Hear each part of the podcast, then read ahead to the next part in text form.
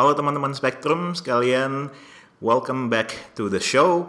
Kita hari ini ada um, kedatangan tamu yang dari bidang fotografi dan uh, kalau kalian mau check out kerjaannya Rez Reza Harditya, also known as Rez Harditya di Instagramnya mungkin yang paling up to date uh, at Har Harditya, which is H A R D I T Y A.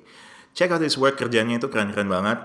Reza ini adalah seorang fotografer, uh, filmmaker, dan creative director yang based di sini di Melbourne.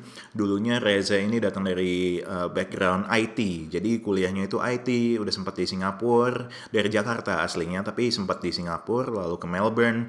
Lalu setelah punya pengalaman yang sekitar 8 tahun di bidang IT sebagai IT professional, he's decided to switch to becoming a content creator essentially yang leading this whole story to him being a photographer, uh, uh, filmmaker dan creative director juga. Jadi uh, Reza bahkan berbagi-bagi cerita dengan kita semua dan Reza ini punya uh, apa ya banyak story yang so so real dalam bagian di mana dia mau memulai uh, bisnisnya sendiri uh, dan kesadaran di mana uh, and a creative business itu is actually still a business. It's not just art. Uh, jadi simak pembicaraan kita yang berikut ini. Uh, I think it will be fun. Halo teman-teman, welcome to Spectrum, a podcast about all things design for the Indonesian community in Melbourne. With your host, Alvin Hermanto. Res, thank you banget nih udah mampir ke Relab buat acara Spectrum Podcast ini. Mungkin untuk yang belum kenal, uh, kasih tahu sedikit backgroundnya gimana. Uh, mulainya itu dulu gimana itu bisa di, di fotografi. Or maybe talk about your background juga lah. Awal mulanya kuliah apa dan sebagainya. Hmm. Boleh, boleh. Well, thank you. Thanks for having me uh, di sini di Relab. Uh, nama gue Rez Harditya. Gue tuh dulu gue gede di Jakarta lah. Gede di Jakarta. As um, SMA sampai kuliah juga sampai di Jakarta. Terus tahun 2002 itu gue pindah ke Singapura. Waktu itu untuk ngambil diploma. Hmm. gitu di di sekolah komputer di situ. Terus kebetulan di sekolah komputer gue itu ada afiliasinya sama RMIT buat nyelesain degree-nya jadi habis diploma untuk untuk dapetin degree-nya ke RMIT jadilah gue berangkat ke sini waktu hmm. itu tahun 2004 2004 terus waktu itu tuh gue gak kenal siapa-siapa di Melbourne man gue gak kenal siapa-siapa terus bener-bener udah hmm, sendirian nekat aja lah ya ke Melbourne nekat uh, sebenarnya ada kakak gue di sini cuma hmm. jadi pas gue dateng tiga hari kemudian kakak gue cabut gitu okay. jadi dia um, dia sebisa mungkin ngenalin gue ke beberapa teman-temannya lah gitu ya hmm. tapi ya cuma tiga hari ya udah gitu aja gitu dan hmm. kebanyakan gue hari-harinya sendiri gitu waktu itu uh, pas sebelum kuliahnya mulai ya waktu kuliah akhirnya ya pelan-pelan dapet temen temen di kelas apa segala macam lunch terus pelan-pelan juga mulai kenal sama orang Indonesia di di Melbourne yang banyak juga ya gitu ya. Hmm. komunitasnya mulai dari PPI apa segala macam nah, ini tahun berapa nih Ras kira-kira? Itu tahun konteks. 2000 itu tahun 2004 jadi 4. tahun 2004 sampai 2005 itu gue di RMIT itu gue ngambil degree-nya di IT juga. Hmm. Gitu. Terus beres dari RMIT, gue lanjut ngambil honors ke Monash waktu itu. Tahun Masih tahun IT dong ini. Masih IT. Berarti juga. dari Jakarta itu udah IT, udah udah IT jadi di computer science gitu ya. Iya, benar. Jadi IT itu it's it's something yang menurut gue kayaknya oh ini di panggilan gue gitu IT gue udah bakal ngelakuin ini and I thought I was good at it juga gitu hmm. kan jadi gue ngerasa maksudnya lo demen komputer gue demen atau? komputer gue demen um, waktu itu I was into I was uh, website development gitu oke okay. ya website development software development Sip. karena sebagian dari gue tuh gue tahu gue gue orangnya visual juga gitu jadi kalau website development tuh dulu gue ngerjainnya bagian depan tampilannya sama yang belakangnya juga gitu. Dan gue seneng. Terus pas sudah lulus gue masuk ke company pertama kerja di law firm jadi web web admin. Nggak lama setelah itu gue masuk ke kantor gue yang terakhir waktu itu. Itu itu mereka develop financial software. Di situ. Nah itu situ tuh Lebih ke programming dong. Ya. pertama ya pertama gue programming terus along the way ya into project management apa segala macam gitu Yuk. sampai sampai di situ tuh sering itu tuh gue gue dari tahun 2003 itu waktu gue di Singapura emang gue udah punya kamera SLR pertama gue gitu ya kamera digital gitu ya itu suka gue apa ya suka gue bawa bawa gue motor Hobi-hobi lah hobi gitu ya. hobi Ah. gitu tapi emang waktu pertama kali gue beli gitu dulu emang getol banget karena ke mana-mana tuh gue bawa gitu mana-mana gue bawa foto-foto Kamera apa tuh dulu ingetnya? itu kamera namanya Canon EOS 300D Hmm. Iya. tahun 2003 itu benar-benar baru keluar jadi first first entry level dari Agak Canon kecil ini, agak bodinya, kecil ha. bodinya plastik warna abu-abu gitu. Kalau ketok tuh ya klek klek klek plastik gitu. Tapi who cares lah pokoknya itu it, it took photos and I'm quite happy with it gitu ya. Terus terus getol tapi gue anaknya juga kadang bosan gitu terus gue taro gitu. kalau gue taro. Terus along the years juga gue nggak terlalu banyak lagi foto karena gue udah, udah sibuk sama kerja kantor apa segala macam. Full time dong tuh kerjanya. full time kerja kantor full time terus sekali-sekali lah gue masih inget gitu eh gue kan punya kamera SLR gitu kan. Jadi gue bawa gitu kalau lagi ada ngumpul-ngumpul atau apa gitu. Sampai kira-kira tahun 2013 itu itu gue masih ngantor emang gue mulai mulai gue buat account Instagram gitu kan Tapi se- sejauh itu lu itu kerjaan day jobnya itu IT profesional dong ya di kantor. bener. Nah, dan itu pengalaman yang udah hampir 10 tahun kali at, at that time. Iya, Iya lumayan udah udah lama gitu lama, kan. Hmm, Udah lama dan emang gue ada kesukaan foto cuma emang itu hobi aja tadi sekali-sekali. Sampai gue buat account Instagram itu terus mulai iseng mulai ngepost. Ngepostnya pertama ya standar lah gue post apa yang ada depan mata gelas gitu, gitu kan. kasih filter udah post terus sampai Ini maksudnya pakai HP nih. pakai HP Nah, ya kamera HP gitu lah. kamera HP Em, sampai gue tuh dulu gue seneng nyetir.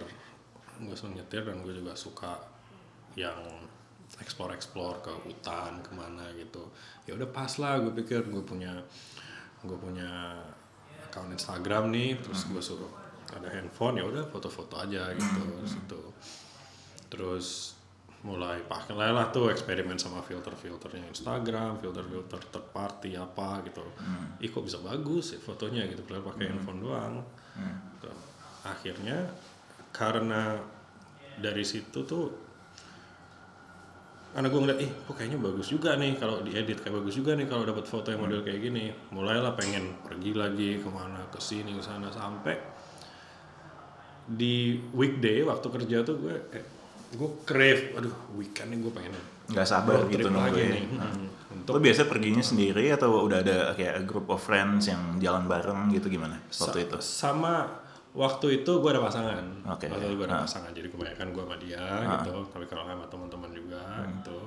Em, seringan malah gue cuma buka Google Maps terus gue cari aja yang tempatnya kira-kira nyeleneh atau namanya aneh gitu. Gue datengin. Ada yang gue pernah ketemu namanya Mount Cannibal gitu Victoria. Mount Cannibal apaan sih Mount Cannibal? Ya udah deh ke sana gitu. keren ternyata. Ada lagi Mount Disappointment Oh iya, gue aja nggak tahu. Ini foto-foto by the way masih ada nggak kalau gue scroll all the way ke bawah? Sebagian mungkin masih, Masih ya? ada, sebagian mungkin masih ada. Nanti kita bagi-bagi linknya uh, Boleh. Reza. Simple banget nih Harditya. It looks like you're one of the first Hmm. Instagram users gitu. you get your last name. The first Hardit ya. The first Hardit. Startup. Keren juga bro. Terus terus gimana? Terus, nah karena karena like anything in life, kalau misalnya lo passionate dan aktif terhadap suatu hal apa pun itu, you attract your kind juga gitu. Akhirnya pelan-pelan gue juga dapat kontak orang-orang lain seperti gue yang Melalui yang suka Instagram tadi? melalui Instagram melalui Instagram yang demen foto yang suka explore ke Travel, ke- foto. ya, travel foto nature ke hutan ke pantai apa itu Hmm. dan banyak dari mereka orang Indonesia juga gitu. Bahkan yang waktu itu tuh gue gue kalau ngeliat mereka tuh gila dewa banget sih nih orang-orang nih pakai Iya. kamera handphone bisa ngasihin kayak gini men gitu. Hmm, kayaknya fotonya gokil gimana sih caranya? Udahlah akhirnya ya kita waktu itu belum ada belum ada function DM-nya di Instagram. Iya, iya. jadi modelnya masih "Hmm, nomor lu berapa ya? WhatsApp deh gitu. Hmm. Kalau nggak ada komunitas ada grupnya gitu di di WhatsApp udah pelan-pelan dari situ terus Itu pada umumnya mereka juga punya day job juga dong. mereka juga punya day job Ini Iya. Instagram ini hobinya ya. Jadi Instagram tahun gue lupa Instagram itu mulai ada tahun kapan cuma obviously that was early days gitu Iya, ya iya, dan early days. influencers as we know it right now belum Belum belum segininya. ada, belum Ah, segininya iya, iya, iya. Mungkin mungkin yang atau I would stick my neck out there dan bilang belum ada gitu influencer uh, I think so, platform- 2013, di platform 14, Instagram ah. gitu ya. Gitu jadi most of us were, were, were into it for for the art gitu.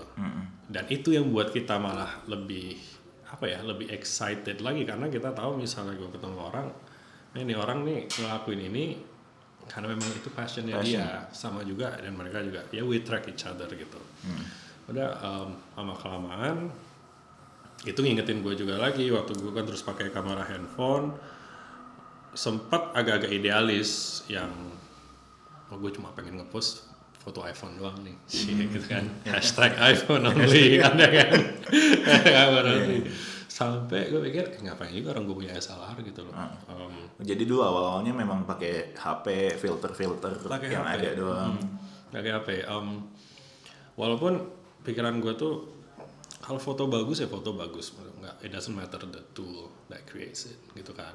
Um, mau itu handphone, mau itu kamera yang mahal atau kamera film apa segala macam. But obviously um, foto bagus tuh diambil sama fotografer yang bisa ngerti gimana caranya buat foto bagus dengan tool yang ada gitu. Dan kebetulan gue ada SLR, ya udah ada tool yang kayaknya potensial lebih bagus akhirnya gue banyak lebih pakai itu SLR gitu akhirnya I, I slowly apa took my skill to another level mulai dari situ kan Karena latihan aja nih. Karena sering, latihan. Sering foto, sering, sering ngepost. foto sering dapat feedback sering ngasih feedback sering latihan aja gitu dan kan emang keingin tahuan gue gimana caranya dapat foto yang kayak gini apa segala macam ya udah um, jadi di situ pun itu gue belum belum ada job atau apa gitu ya. Sampai suatu hari dulu tuh Ini masih kerja nih. masih kerja ini masih di kantor. Sampai suatu hari Instagram Instagram punya list yang namanya suggested user waktu itu ya. Suggested user tuh jadi orang-orang yang ada di list itu tuh biasanya mereka dapat exposure lebih. Jadi di, didistribute sama Instagram gitu. And, and I got on that list gitu. So so how the list works is um, someone uh, from Instagram kayaknya waktu itu ada community managernya they they browse atau gimana if they happen to find a feed yang mereka ngerasa punya sesuatu gitu they put them on the suggested user list karena they wanna promote apa ya good good content in a sense. Ya, jadi itu apa ya gue ngerasa waduh gila nih apresiasinya gue ngerasain banget impactnya ke gue Waktu gitu. itu dia reach out to you atau gimana? reach out, reach out. Oh, dia minta izin dulu dong? Enggak, eh, yes and no gitu. Jadi lebih ke oke dan itu emailnya gue rasa automated ya Ah. gitu ya. Tapi we we've selected you as a suggested user list, Oke. uh, and then you will be on the list for about two weeks kayaknya kalau nggak salah or around that time gitu. Ya udah if you kalau misalnya lo nggak apa-apa ya udah you don't have to do anything. Tapi kalau kalau misalnya lo nggak Keberatan. pengen, keberatan baru kasih tau kita dan Oke. and that took me to another level juga in terms of audience Iya. gitu ya Iya. di Instagram makanya Lu dapat exposure dong. Dapat exposure Itu kira-kira berapa lama setelah lu mulai foto di Instagram itu berapa lama? Setahun? Setahun kayaknya. Ada. Oke. setahun kayaknya gitu Ah, ya udah terus itu kan juga sebagai motivasi tambahan lagi gitu bahwa oh wow this is this is a milestone gitu. Walaupun walaupun misalnya diukurnya dari segi audience gitu ya. Iya, tapi tapi it's a- however however I, uh, I want to see it it's still a confidence boost waktu Iya. itu buat gua. Jadi gue semakin ngerasa I think I think I wanted something here gitu Hmm. kan. Terus pelan pelan karena dengan dengan adanya apa audience itu brands mulai reach out ke gue gitu Hmm. gitu ya ya satu satu gitu misalnya mereka pengen Di email gitu ya. Hmm. Oh.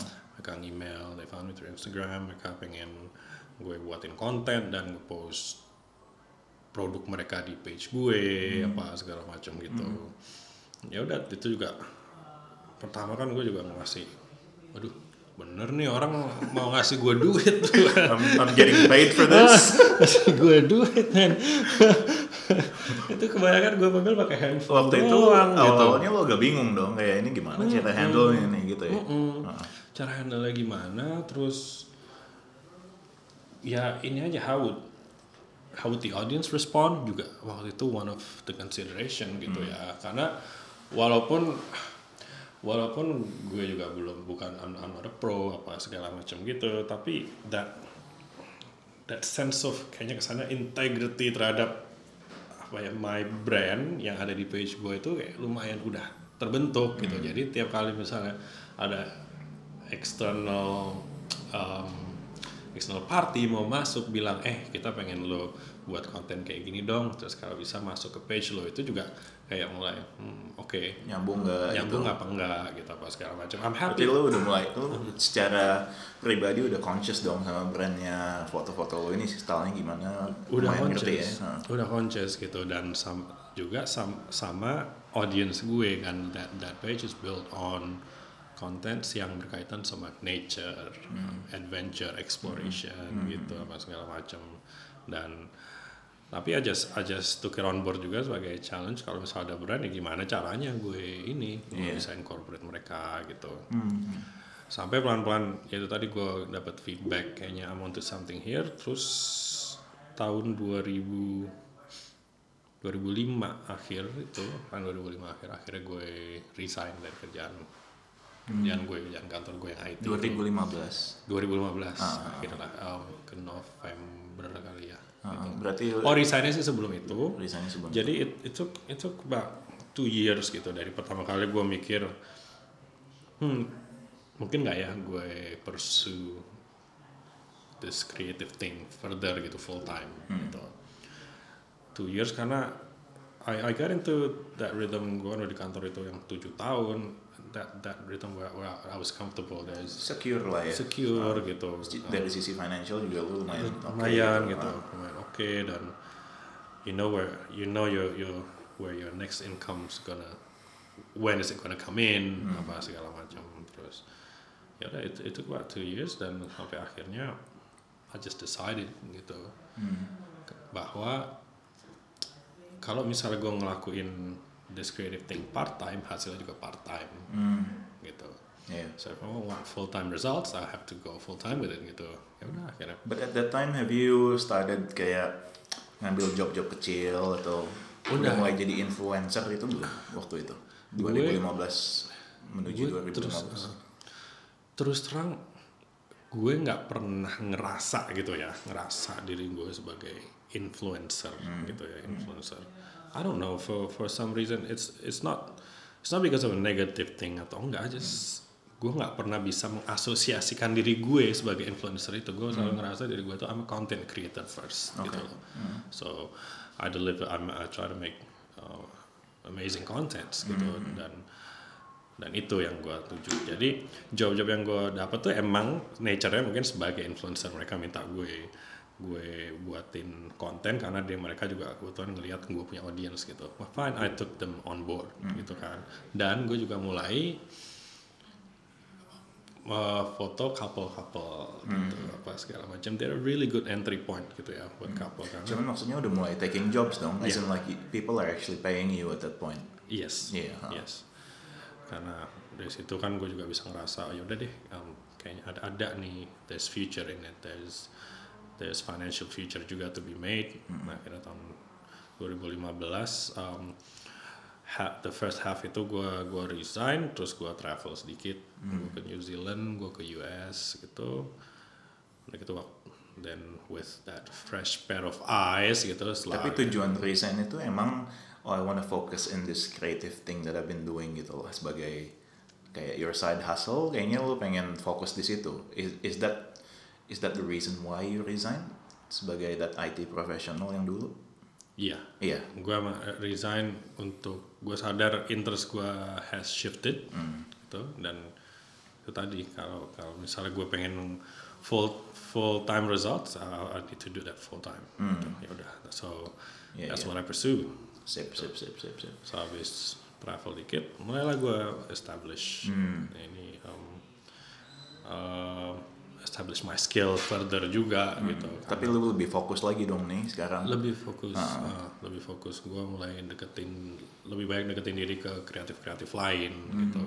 Itu semua juga kenalnya dari dari grup-grup online gitu. Ada dari meetup.com ada Bukan kebanyakan. necessarily temen lu yang udah kenal lama gitu enggak ya? enggak enggak.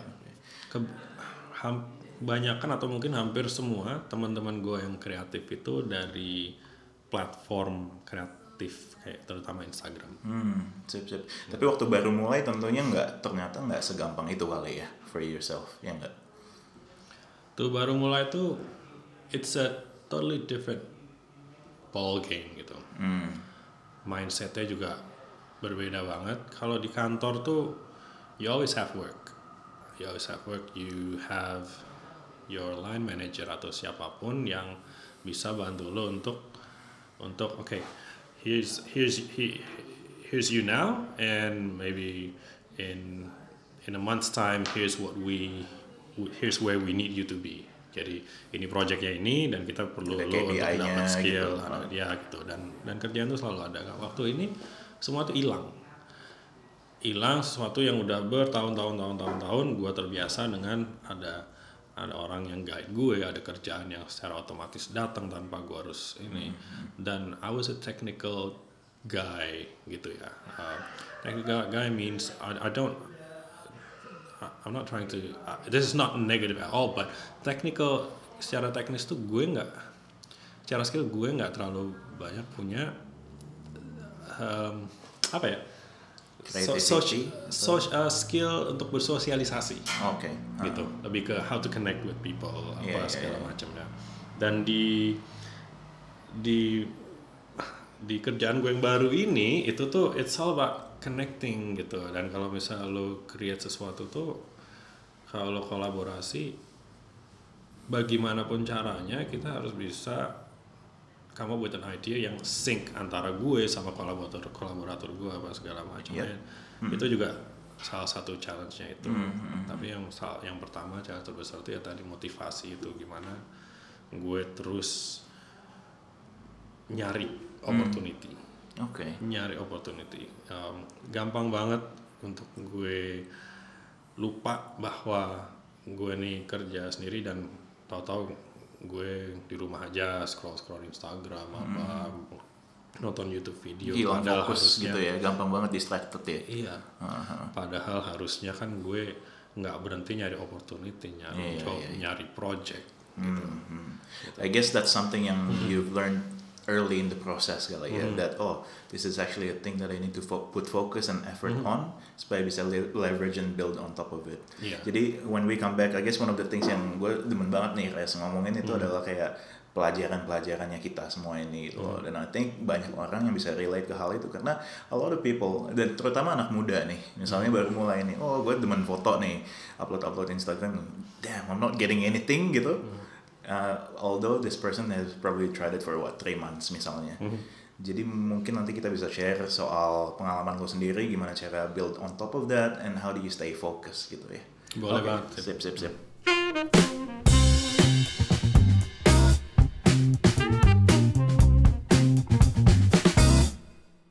Chris, jadi kalau waktu lu baru mulai nih, picture yourself yang dulu, ini tahun 2015 pertengahan itu kan ya. Mulai tentunya dengan semangat baru dong. Lu travel segala macam terus balik and then okay I'm gonna focus on this. Hal apa yang ternyata nggak sesuai dengan bayangan lo? Ada nggak yang kayak gitu?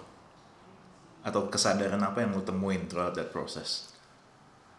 banyak sih banyak sih kan banyak gimana ya udah yang paling yang paling gue rasain ya waktu itu yang paling gue rasain jelas. Soalnya lu kan berhenti full time kan ya? Mulai full time gitu. Kerasa dong itu. Mm-mm, berasa. Dan istilahnya gue tahu bahwa I need, I need to get my ass out there kalau gue nggak makan gitu kan. Kalau gue nggak makan ya pertama tuh pertama tuh nyari klien jelas. Gue nyari klien apa pun itu pokoknya gue berkreasi.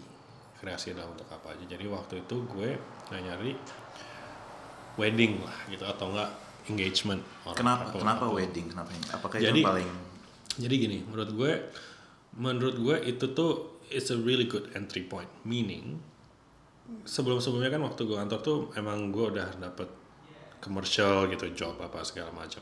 Nah, kalau kalau commercial tuh there's a lot of gatekeeper tuh lebih banyak. Misalnya creative directornya dari sisi klien gitu, mereka punya spek. Ini siapa lagi mereka punya spek, jadi ada red tape juga lebih banyak gitu. Tapi kalau misalnya wedding gitu, once yang the, the the the people that you need to impress is just the bride and the groom gitu, dua itu, which is good. Um, karena dan mereka juga nggak nggak terkait sama tatanan foto, tatanan fotografi atau konten yang lightingnya harus benar apa segala macam, which, yang which is technical im- banget gitu nah, ya. hal technical, which is important juga. Tapi kalau mereka ngerasa ada koneksi sama kerjaan gue sama mereka, they would say I'd like to hire you gitu. And, and obviously waktu itu I went on the path yang di mana gue nggak mikirin duit dulu deh, gitu. Gue nggak mikirin duit dulu, yang penting gue tetap berkreasi itu. Ya udah, I started doing, I started um, looking for jobs yang mereka mereka benar-benar fine with with me being a beginner gitu apa segala macam. Waktu gue dapet gig kawinan pertama gue, gue nggak tidur men malamnya. gue nggak tidur malamnya. ini ini is the someone you know? No, they- mereka mereka nggak kenal gue. Kayaknya da- da- dari dari website one of those wedding portals deh kayaknya. Berarti lu udah punya portfolio dong di saat itu. Waktu itu portfolio gue tuh bukan portfolio wedding, jadi portfolio gue yang gue People aja uh, gitu. people portraits gitu yang Iya, I did it casually gitu, gitu loh. Jadi yang bisa gue ngasih lihat mereka bahwa oke ya mungkin gue nggak ada nggak ada yang nature-nya wedding, tapi ini bisa jadi gambaran nanti hasilnya kayak gini gitu. Hmm. Oke, And oke. I was fortunate enough dapet my first wedding gitu ya dengan Hmm. dengan portfolio gue yang kayak begitu baru mulai ya udah gue nggak tidur gue Ya, tidur itu karena mungkin you're nervous ini hasilnya. Gue gimana atau gue nervous karena it's a wedding it's you don't wanna mess this it's up. a big thing Iya. gitu ya kan. It's a big thing gimana caranya? Dan dan orang lain tuh kalau pertama kali ngelakuin wedding tuh mungkin they they registered as a second shooter gitu buat buat fotografer yang udah season gitu ya apa segala macam. Ini gue sendiri.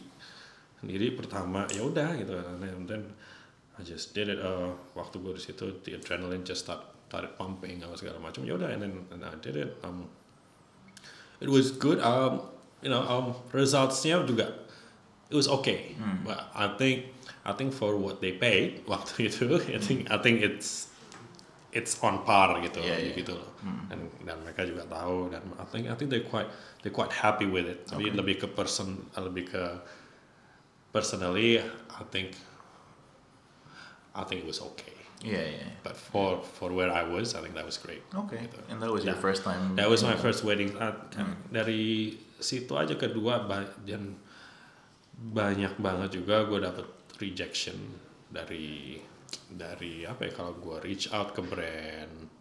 Um, Ini you being proactive to reach out being, kan? ya gue being proaktif gitu ya jadi gue ngerasa uh, the way I sell myself waktu itu tuh gini I'm a content creator. I can I I help businesses to I help businesses to build a consistent tone a, a consistent visual tone for their brands. Gitu gitu kan. Jadi what that means is what that means is untuk bisnis kalau punya cha- web channel mau itu social media website apa segala macam hey let let's let's come up with a series of content mau Hmm. itu vid- video foto apa segala macam dan dan dan to represent your brand gitu. Ya udah uh, misalnya gue udah put an effort untuk analisa bisnis nih apa mau mereka duluan yang reach out atau gue duluan reach out so I, I send them a page apa segala macam rejection itu banyak banget gitu ya. Banyak banget ya. Alasannya apa aja tuh biasanya? Kayak the top reason kenapa? Top reason budget. Budget. Oke. I would say top reason budget. Um, top reason budget, and the thing is with with with this industry is there's always going to be that next person who would who who would say yes to doing it for less than you, gitu. Which is true, gitu. I spent a lot of time cursing that situation, gitu. ya. Mikir gila ya, gitu. Gimana gimana caranya mereka nawar apa? Nawar harga segini gimana itu nggak masuk akal industri ya gini kok mau sih orang-orang ini dibayar segitu rendahnya? Lu cuma lu cuma you're only hurting yourself and the industry gitu. I spent I spent way more time on on apa ya? Bingungin hal itu.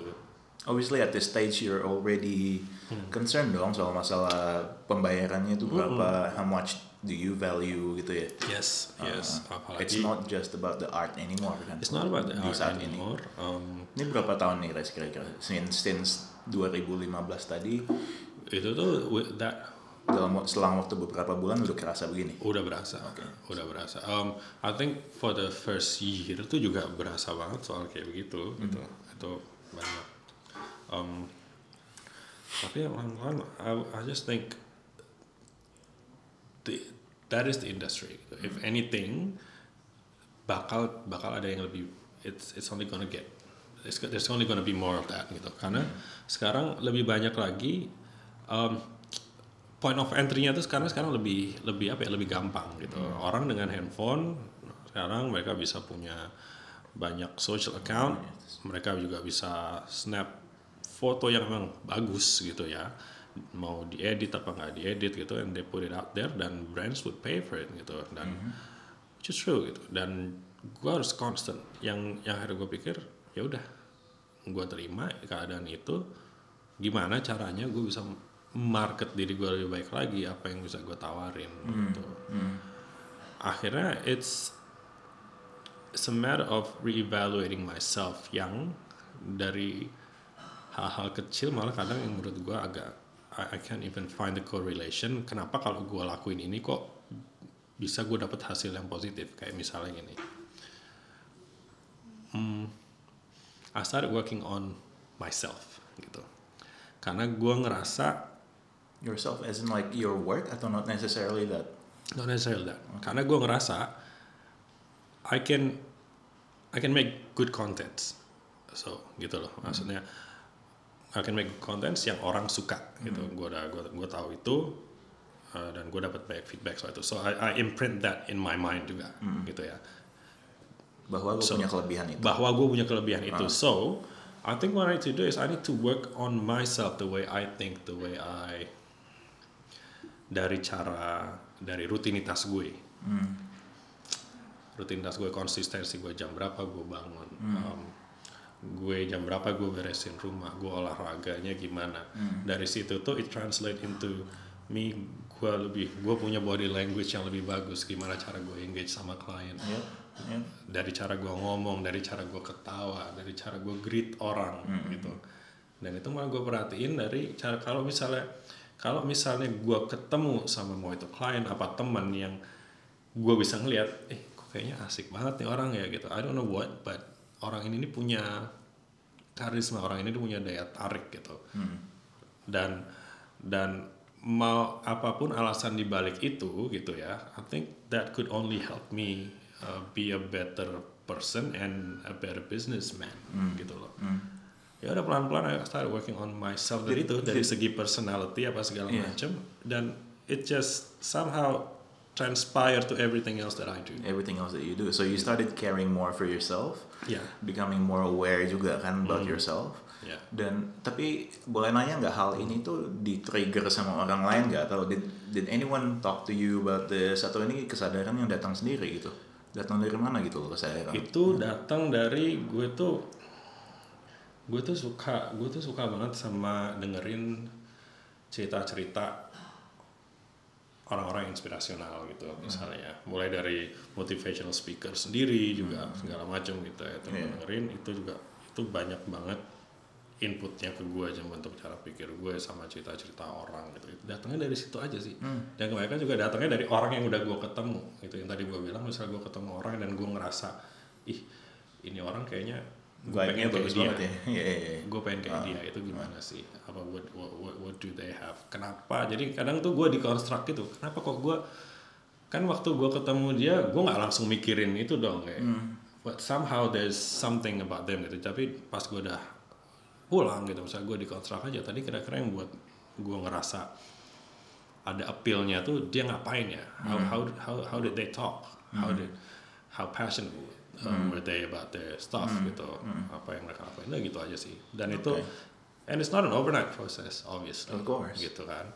Um, and I started I started implementing that uh, that tone misalnya that tone of voice that that that body language. Kalau misalnya gue ketemu orang mau itu klien mau itu apa apa segala macam I just give them the appreciation they deserve. And again it's just somehow comes back to me Iya, iya. gitu loh And, but it- all you're Yeah. trying to do is being genuine juga kan at the same time. It's not Yeah. like you're putting this mask that you're Yeah. Not yourself anymore, but you've just become a Yeah. much better version of you gitu Yes. kira-kira ya. But but that's the thing, that's the thing juga. Um, waktu udah bertahun-tahun bahkan mungkin sampai waktu gua resign itu I have I have an image about myself yang berpikir Reza itu kayak gini gitu loh. Reza itu kayak gini and that was to me waktu itu tuh that was the absolute representation of what being true to myself means adalah Reza itu ya equals this Yeah. gitu. But pelan-pelan tuh gue ngerasa I don't have to be like that. It's not about being fake, but it's about it's about Just being real, I guess. just being apa ya, being aware of potentials, Okay. being aware of potentials gitu ya. Because everything everything that you think you are, you you are gitu loh. You will be gitu. So once once I started thinking about, hey Reza itu ya kayak gitu cuma be, and more. Gitu. I get it. Yeah, gitu. yeah. Dan apa ya? And mau dibilang fake bisa juga orang bilang fake tadinya kan lo nggak kayak misalnya misalnya maksud maksud gue tuh misalnya orang misalnya temen gue dari zaman dulu gitu Yang udah temen kenal gue banget yang udah kenal ya. banget mungkin mereka emang bisa bilang lu dulu nggak kayak gini man emang emang enggak people Oh, evolve had, I've had so many of that. people evolve. people evolve jalan pikiran.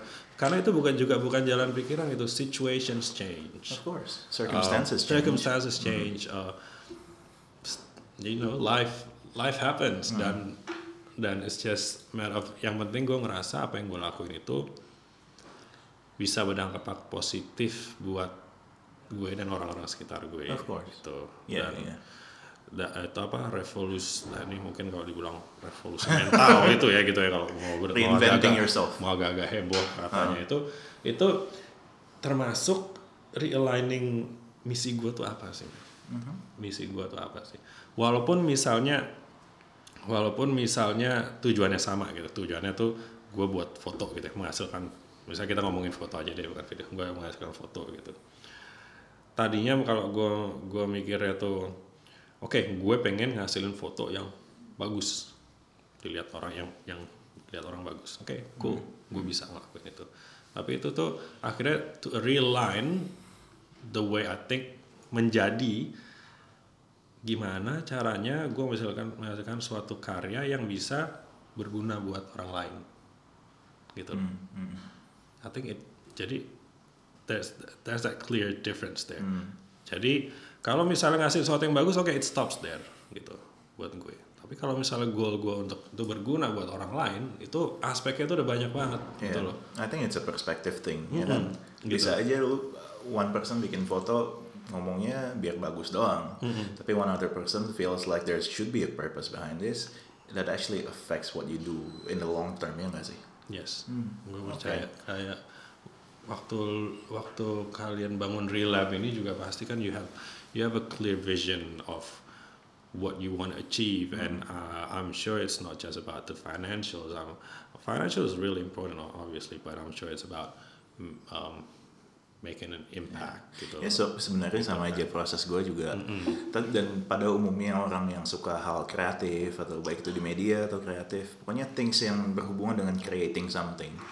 Pada umumnya pasti punya passion dulu dong, udah suka dulu sama hal itu gitu loh. But then the practicality side kicks in, like literally not long after that. Terus oh like shit I have to pay bills gitu loh. It's not just creating an art, dari situ baru gue juga sendiri mulai belajar gitu loh. That in business oh in the creative business to be specific ada practicality dan ada that emotional aspect to it yang it's an art to try and combine those two. Karena if you're just being emotional about your things then you're an artist dan making money itu quite difficult Yeah. lah kalau mau Yeah. idealistik kayak gitu Benar. ya oke jadi I think your answer to menghadapi challenges yang awal-awal itu benar-benar perspektif terhadap diri lo sendiri. Iya. You started taking care of yourself, Iya. ya kan? Dari situ itu apa yang terjadi? Apakah lo ngerasa, oh this whole positive vibe itu kerasa ada impactnya ke bisnis lo sendiri? gue ngerasa banget gitu karena the situations might not change uh, the industry might not change masa industrinya tetap kayak gitu um, kalau misalnya ada yang lebih murah ya we'll go with that gitu tapi sekarang I will not curse myself Yeah. kalau misalnya if that happen. Dulu tuh dulu tuh kalau itu kejadian tuh man gue harus kasih mereka harga yang lebih murah. Banyak rentingnya gitu ya. atau ah, segala macam. Sekarang ya ya udah gitu. That happens. Ah ya I I win some I lose some. Tapi untuk setiap kesempatan pasti I will go hard gitu loh. Mhm. jadi kalau walaupun misalnya pitch gua tuh udah misal gua buat so oke mungkin apa yang menurut gua so oke mungkin as possible gitu. Tapi kalau misalnya it doesn't it doesn't happen it doesn't happen gitu loh for whatever reason I'll just I'll just ya it's it's always good to reflect.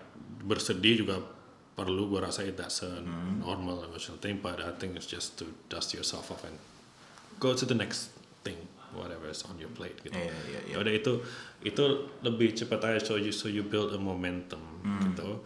Dan pelan pelan akhirnya mulailah gue uh, dapat dapat apa ya a, a steadier ground di mana gue bisa gue bisa lebih mar- market diri gue lebih baik. Akhirnya gue juga lebih banyak belajar tentang marketing tentang cara gue Itu keadaan yang mau nggak mau atau gimana? mau nggak mau. Iya. mau nggak mau. Karena itu tadi kalau nggak gue nggak makan gitu. Tapi once once I took care of myself maksudnya myself gitu dan gue tahu goal gue itu um, nggak cuma selfish buat gue it becomes easier gitu. It becomes easier when I face rejection it becomes easier juga when I get wins gitu. Karena wha- what I mean what becomes easier when I get wins. Kadang tuh tahu-tahu lo dapat project yang nggak sangka lo dapat gitu kayak oh, gitu gimana cara gue mulai lakuin? Gitu. But but dengan mindset yang apa ya yang yang baru bahwa, bahwa lo tahu oh this I can do it I can do it gitu ya Iya. it becomes easier gitu Sip, sip, sip, sip. Ke depannya ada rencana apa nih? Kayak jadi so far you've been doing it for what about three years? Iya. Sekitar three years ya. Ada rencana seru nggak ke depannya? What is it that you wanna do gitu? Apalagi sih yang lo cari, C? paling gue cari gue gue pengen lebih gue pengen produce film Oke. sebenarnya um, gue ini personal project gue sih. Gue pengen produce dokumentari gitu. Satu dokumentari yang gue pengen itu konsepnya itu sekitar apa yang terjadi di Indonesia.